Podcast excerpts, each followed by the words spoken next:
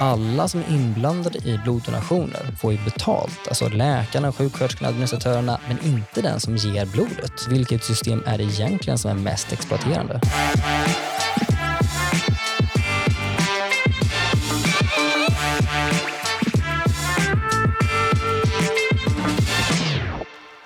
Du lyssnar på Ekonomerna med mig, John Norell och mannen som har ekonomi i blodet, Jakob Lundberg. Hur är läget Jakob?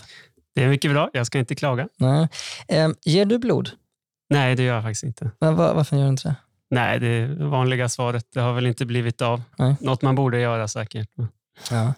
Nej, jag har inte det heller. Jag var på någon inledande test eh, när jag var typ 18. Eh, och, för då testade de blodet först. Um, nice, då fick jag reda på vilken blodgrupp jag har. Sen har jag glömt det. Uh, men jag har inte fortsatt aldrig för att eh, dels tycker jag det är lite så det obehagligt med nålar i huden och sådär. Men också dels för att det finns ju fortfarande en regel om att man får inte ge om man är gay. Eh, men jag hade kanske velat ge om jag fick. Men eh, idag ska vi i alla fall prata om eh, blod och organ och handel och donationer. Ehm, tror du att om det hade funnits vampyrer hade vi haft marknader för blod då? Ja, det känns väl naturligt. Eh, det hade väl uppstått marknader för allting som folk behöver. för, för de flesta vampyrer i kulturen tenderar ju att använda våld och eh, coercion, vad kallar man det? Vad säger man? Tvång, liksom, för att få tag i det som ja, de åtrår allra mest, alltså blod. Eh, men alltså, det är värt att fråga sig varför. Varför är vampyrer porträtterade som sådana parasitiska rovdjur? Ehm, jag har eh, en av de första böckerna, populärvetenskapliga böcker om nationalekonomi som jag läste, heter Economics of the Undead. Och där finns det då, och det är en bok där ett 20-tal olika eh, ekonomer, jurister, eh, ja, forskare skriver liksom varsitt kapitel där de applicerar nationalekonomiska och samhällsvetenskapliga verktyg för att analysera olika övernaturliga fenomen. Ja, låter som en häftig bok. Ja, den, eh, jag kan definitivt rekommendera den. Men då finns det i alla fall ett kapitel där, där eh, Enrique Guerra Pujol resonerar kring just den här frågan. Om vampyrer fanns, varför skulle de inte bara erbjuda att köpa blod av oss? Alltså skulle, det verkligen, skulle de verkligen använda våld mot människor för att konsumera blod? Um, eller hade det kanske varit så att det uppstod marknader för blod? Ja, det är en rimlig fråga att ställa. Ja. För att lite grann summera hela hans resonemang, vilket ja, man kan ju då läsa hans kapitel då. Uh, Buy or bite är titeln eller rubriken på kapitlet. Ehm, så handlar det här våldet då om det som kallas för legal failure, alltså avsaknaden av legala marknader för köp och försäljning av blod. Är det som då orsak som, till det här våldet. Då. Ehm, vampyrer behöver ju blod för att överleva, enligt ja, fiktionen och mytologin. Eh, och när det här behovet då inte kan tillgodoses på legal väg så har vampyrerna inget annat val än att använda våld eh, och andra då, strategier för att få tag i den här varan. Och här finns det ändå en lärdom kring kopplingen mellan illegala marknader och våld eh, som, som är mer generell, liksom bredare, som även vi kan ändå eh, applicera på även den värld där vi inte har vampyrer. Till exempel i vårt avsnitt om, eh, om droger, att eh, det finns kopplingar då mellan, mellan illegala marknader för droger och det våld som vi ser eh, ja, i av, avsnitt två. Förbud av en viss vara, eh, en viss typ av handel eliminerar ju liksom inte efterfrågan. Marknaden går ju bara under jorden och det uppstår istället svarta marknader. Så det, och liksom anledningen till det är ju att när tillgången till legala medel, alltså till rättsstaten, försvinner då för att kunna hantera konflikter, eh, då uppstår våld istället som den mekanism för att kunna hantera eh, liksom, när, när, eh, när någon inte betalar, eh, hur ska man liksom hantera den typen av konflikter? Och Det är då som sagt eh, likadant som illegala marknader för knark, som för illegala marknader för blod. Då. Ja, just det. Man kan, varför kan inte vampyrerna starta någon sorts lobbyorganisation? De borde ju gå ihop i en intressegrupp för att driva igenom en lagändring. Helt rätt. Det kanske är svårt. De är en marginaliserad grupp så att de kan liksom inte göra sin röst hörd på det sättet. Och En marknad för blod är ju, hade ju inte bara varit då en toppenidé för vampyrer utan också för då blodsäljare eftersom att ja, blod är en förnybar vara, en resurs eh, och eh, samtidigt är ju våld kostsamt. Så att Eh, den som stå, ställs inför hotet att bli attackerad av en vampyr skulle då ta till åtgärder för att försöka undvika det. Alltså man skulle bära vapen på nätterna, man skulle eh, gå ihop i någon slags grannsamverkan för att skydda kvarteret eller övervakningskameror och så vidare. Och så vidare. Eh, så att vampyrerna skulle ju, de skulle ju mycket hellre vilja köpa blod än att behöva bli jagade eller offer eh, för, att, eh, liksom, för våld och, och vedergällning. Alltså det finns ju en anledning varför det finns eh, Vampire Slayers, alltså vampyrdräpare, eller vad, vad kallas det på svenska? Ja, det är väl en bra översättning kanske. Ja, typ som Van Helsing eller Buffy Summers. Vilket är för övrigt väldigt kul att det, det finns en bredd på eh, vampyrdräpare. På en, på en legal marknad så har man ju i alla fall då incitament för att komma överens. Eh, alla tjänar ju liksom på handeln. Och det, Att marknaden för blod är förnuftig ekonomisk logik, det är ju sant även då i, i den världen som vi lever i, utan vampyrer. Eh, ändå så är försäljningen av blod olaglig i de flesta länder, som Storbritannien, och Kanada, och Australien och sådär. Och I Sverige får du inte heller ge blod eh, mot pengar. Du får, får, får kanske liksom lite jag vet inte, juice och eh, när du har gett tillräckligt många antal gånger så får du någon t-shirt och restaurangs eh, porslin. Typ, eller? Ja, just det. Mm. Ja, det här verkar ju vara i hela Europa. Vi kollade upp det, att det finns till och med ett EU-direktiv här från för några år sedan där man säger att alla medlemsländer ska verka efter principen om att man ska inte få betalt för blodet. Mm. Eller man ska, man, ska, precis, man ska sträva efter det. Så att vissa länder tolkar det lite på andra sätt eh, eftersom att det finns en trade-off mellan eh, att tillgodose eh, behovet. Eh, så att eh, i, i Tyskland och i Ungern och Tjeckien och så, där får, så får man ju någon typ av kompensation ändå. Ja, det, det verkar vara någon hundralapp eller något sånt där. Så mm. Det är inte tänkt som en, liksom en lön för att man ger blod, utan mer kanske det ska ersätta bussbiljetten eller något sånt där. Mm. Men förklaringen till att det är förbjudet handlar liksom inte om ekonomi, att det liksom är eh, förnuftigt att, att förbjuda detta, utan det handlar om politik. Alltså det finns grupper, intressegrupper som vill förhindra kommersialiseringen av den mänskliga kroppen och så vidare. Det är väl, det är väl de orden som de använder. Men, ja, det ja. verkar vara någon sorts moralisk idé som folk har, ja. som, som, är, är någon sorts ryggmärgsmässig utan att man egentligen har tänkt igenom det. Mm. Moralisk eller kanske ideologisk. Ja. ja. Det finns ju flera som argumenterar emot att man ska ge betalt för blod. Och du Jan, du har ju nördat ner dig lite grann i den här frågan. Så jag, jag, tänkte, jag tänkte testa några argument här på dig så, så får du svara på dem. Mm.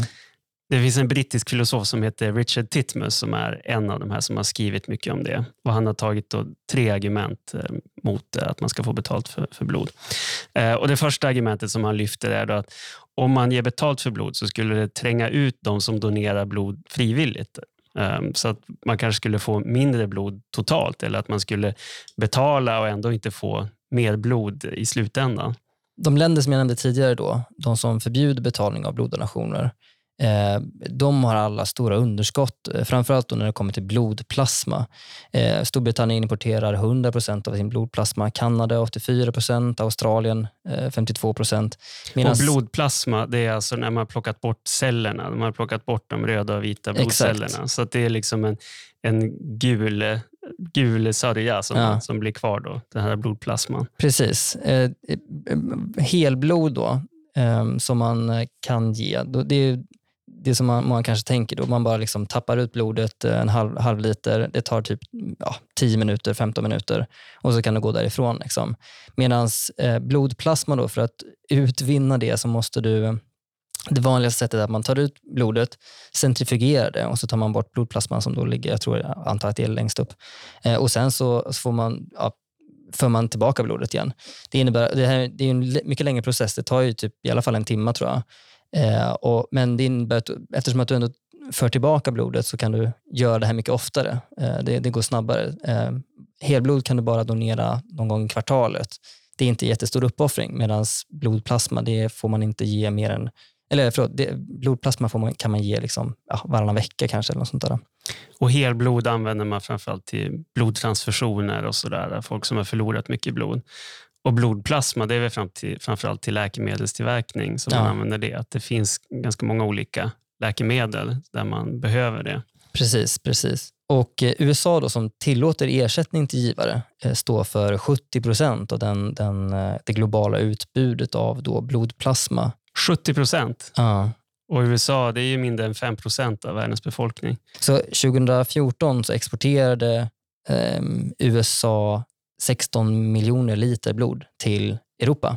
Oj, Eh, det, det är här- jättestor transatlantisk handel här med blod Ja, som man aldrig hört talas om. ja, verkligen. Det, den globala handeln är liksom, ehm, 126 miljarder dollar ehm, 2016. Så det, det är mer än, liksom, mer än flygplan. Oj, ja. Det är, det är en jättestor handel det här. Eh, Men det är bara då länder som betalar för eh, blodplasma som är självförsörjande. Alla andra importerar.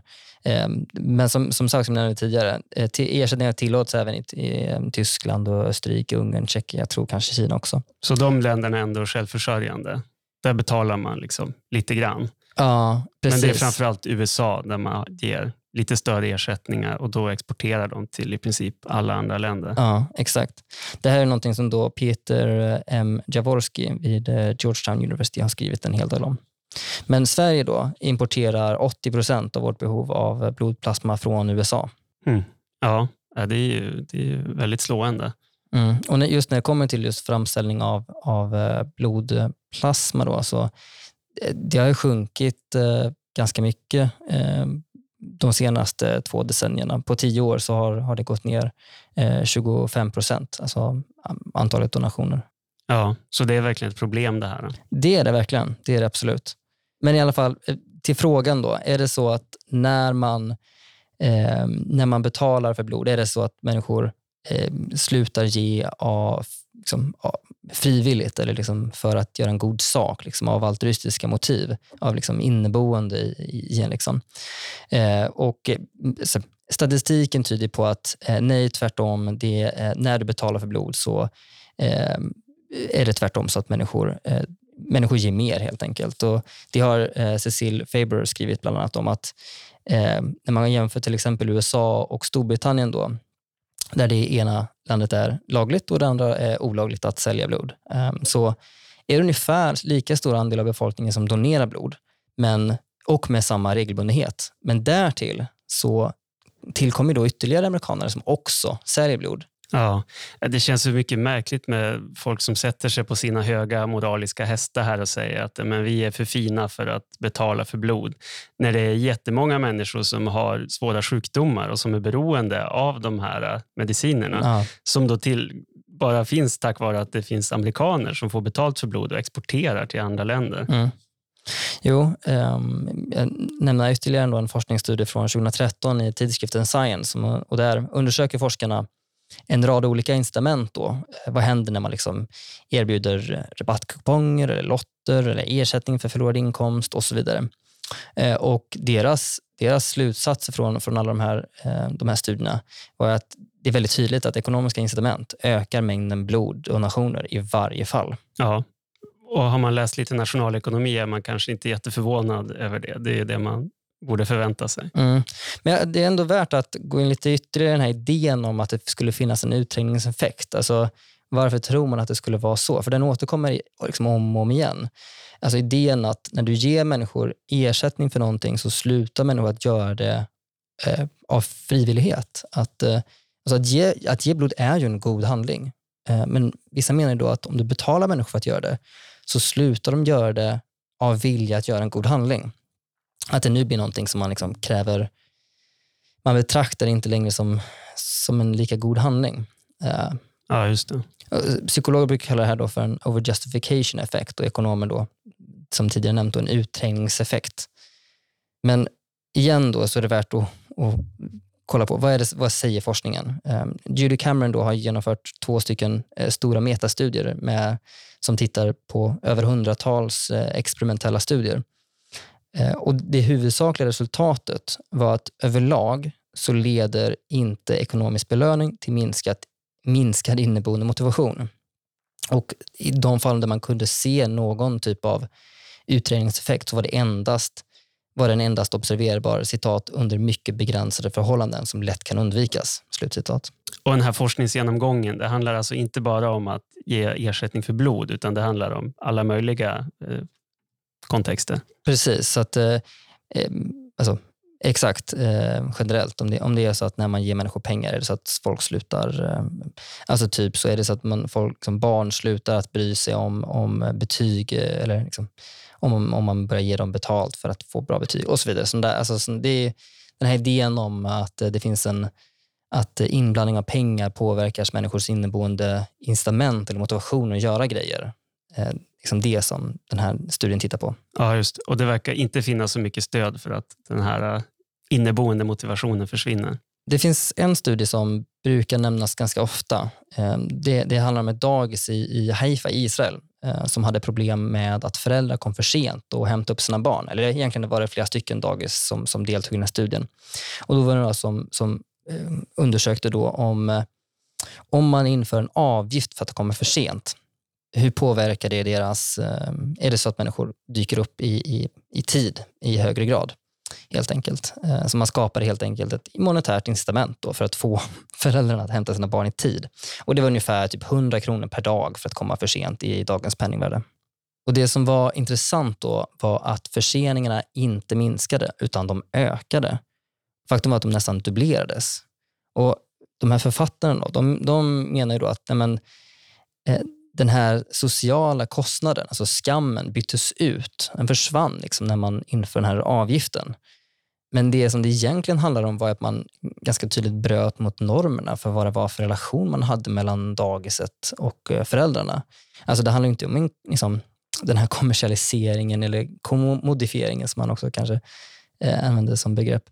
Eh, alltså mellan vänner så skulle vi inte sätta en avgift om någon skulle, liksom, om jag har lånat ut en bok till dig och, eh, och du skulle liksom vara sen med att lämna tillbaka den. Det är inte som att jag skulle ha en avgift. Det skulle liksom förändra hur vi ser på vår relation. Eh, Medan om eh, biblioteket liksom, ger mig en förseningsavgift, det är någonting, som jag ändå, det, det är någonting man förväntar sig liksom, i den relationen. Ja. Det som är viktigt här är att komma ihåg att priset på en vara eller en tjänst förmedlar information. Och I det här fallet så signalerar den låga avgiften eh, att sena upp, upphämtningar det var ju egentligen inte och hade inte heller varit särskilt stor liksom, allvarlig överträdelse. Alltså om du skulle få ett brev hem från, liksom, om du hade barn på en förskola, där de förklarar på grund av så många förseningar så måste de införa en avgift för att ersätta personalen och, ja, som ska vara kvar och städning och bla bla bla. Eh, att avgiften då är 100 kronor för en försening, då tänker man ah, ja, men det, det var inte så farligt ändå för att jag kommer typ en timme sent. Nej, just det. Då är det inte så konstigt att det var fler föräldrar som faktiskt hämtade sent då, ja. efter den här avgiften. Ja, incitament funkar ju. Och, eh, alltså, skulle du istället sätta avgiften på 500, då, då skulle man ju signalera någonting helt annat. Ja, just att det är väldigt besvärligt för dagispersonalen att faktiskt jobba kvar längre för att ta hand om de här barnen. Precis. Och har du väl förmedlat den här informationen, ja, då går det inte att ta tillbaka. Alltså att det den här informationen eller signalen om att det inte var särskilt besvärligt med sena upphämtningar. Eh, och därför så fortsatte även förseningarna eh, på en hög nivå även efter att man tog bort den här avgiften då på, på dagisarna. Ja, just det. Ja, det här är en klassisk studie som, som jag tror många som har läst nationalekonomi har hört talas om. Det känns ju skönt att du har debankat den nu ja. och, och, satt in det i ett sammanhang. Ja, men om man vill läsa mer om just det här exemplet med det här eh, eh dagiset i Haifa eller om forskningen bara kring utträngningseffekter så skulle jag rekommendera boken Markets without limits av Jason Brennan och eh, tidigare nämnda Peter M. Jaworski.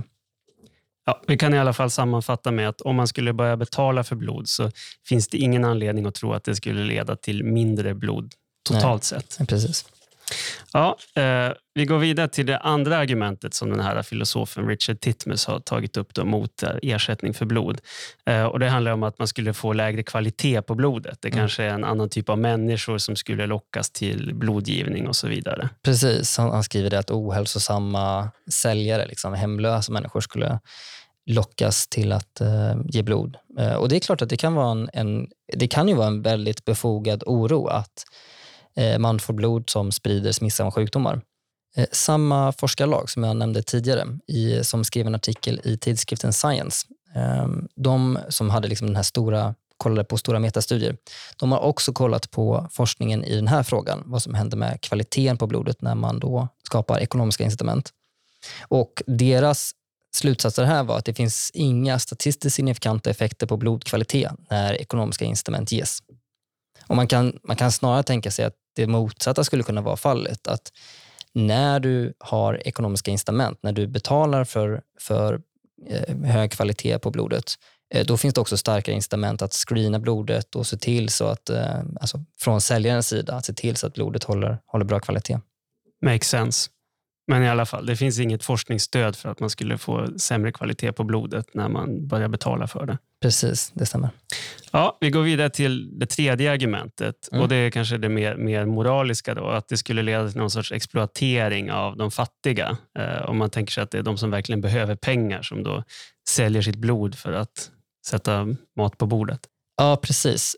Jag tror att de flesta kanske har liksom ändå en aversion, liksom, att den här tanken mot att eh, alltså vi, vi vill ändå att det ska, liksom, jämlikhetsideal. Liksom. Och, eh, man, man stör sig lite på idén om att det bara skulle vara att det är liksom de fattiga i samhället som skulle ge sitt blod eh, och inte, inte alla.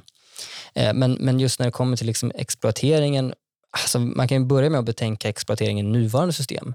För att alla som är inblandade i bloddonationer får ju betalt. Alltså läkarna, sjuksköterskorna, administratörerna, men inte den som ger blodet. Ja, det är en bra poäng. Och när, vi, när liksom sjukhusregionerna eller sjukhus liksom köper och säljer blod mellan varandra, ja, men då är pengar inblandade. Samma sak när Röda Korset eh, tar, tar, tar in blod. Eh, de säljer ju det till lokala sjukhus för att täcka sina kostnader.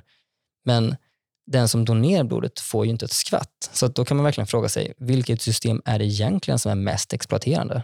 Ja, och särskilt när det finns en internationell blodmarknad på hundratals miljarder dollar. Mm. Uh, och ingen får betalt förutom i USA då, som står för större delen av det där.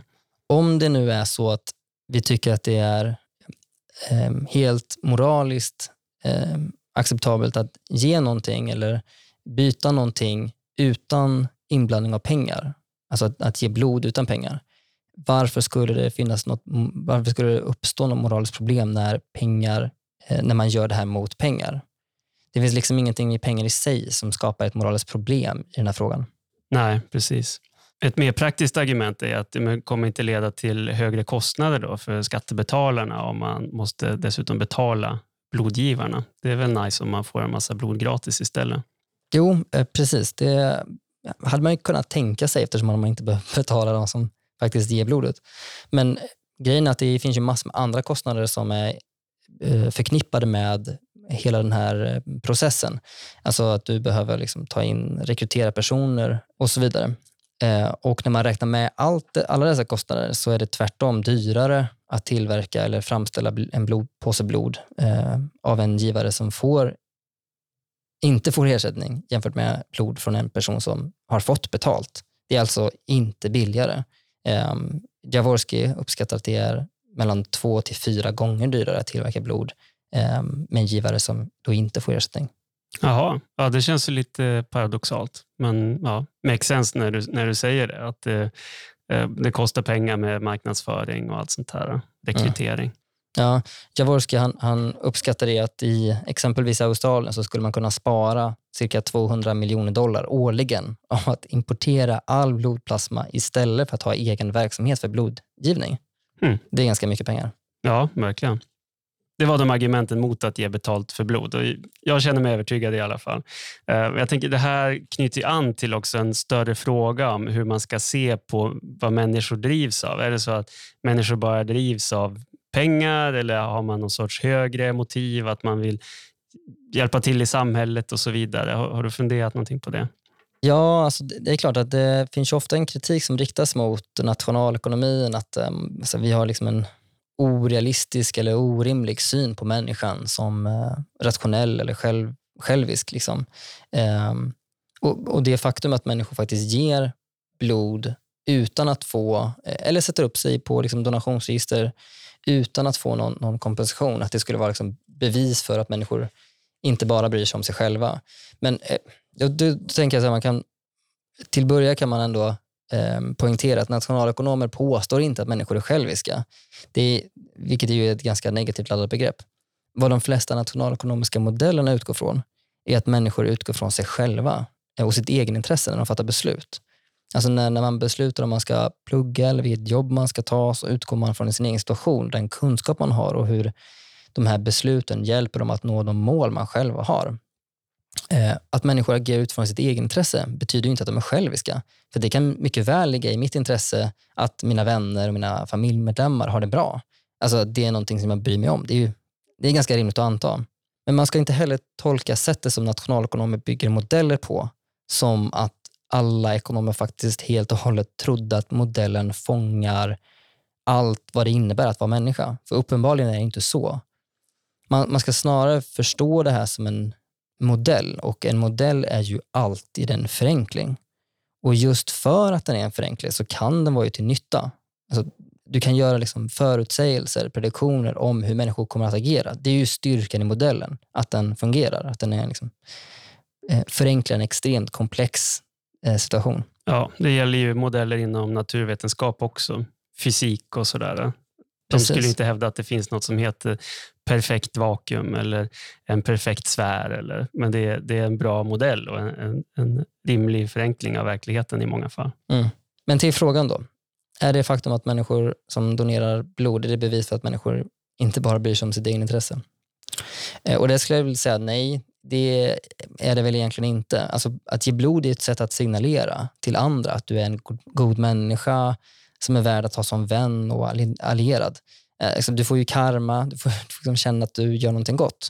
Och människor bryr sig om sitt rykte, alltså hur andra människor uppfattar dem. Så det, det är klart att, att man kan mycket väl tänka sig att eh, människor skulle välja att donera blod eller då donera sina organ efter sin död, även om man helt och hållet eh, agerade utifrån sitt eget intresse. Ja, det känns ju som en eh, rimlig förklaring. Nu, nu, är det klart att alla, alla, alla skryter inte om på sociala medier att de ger blod. Eh, vissa gör det och då får man ju liksom lite bekräftelse med en gång. Men, men då framstår det ju som att man lite grann gör det för att kunna få glänsa. Att, eh, och då blir den här signal, signalen om att man är en god människa, den blir lite svagare då. Om du däremot ger blod utan att säga det till folk Eh, och liksom göra, eh, göra en stor grej av det och sen typ att så här, ämnet kommer på tal och någon frågar sig, men, ja, men har du gett blod? Ja, men det har jag gjort. Det har jag gjort i tio år. Jaha, det har du aldrig sagt. Då framstår man som en ännu mer godhjärtad människa. Så att det är klart att, att det finns ju eh, eh, även här finns det ju massor med komplexa sätt att liksom, eh, signalera eh, till andra människor. Men i grund och botten så människor väger ju den självupplevda nyttan med eh, att ge blod med den förknippade kostnaden. Och kostnaden för allra flesta är ju inte så stor. Speciellt inte då när det kommer till att eh, ge helblod. Eh, eftersom att det gör man ju ja, en gång i kvartalet och det går ganska snabbt.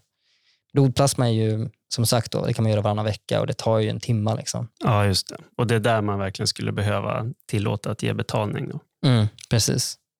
Och när det kommer till att donera sina organ så är ju kostnaden ännu lägre. Du är död, du behöver inte dina organ längre.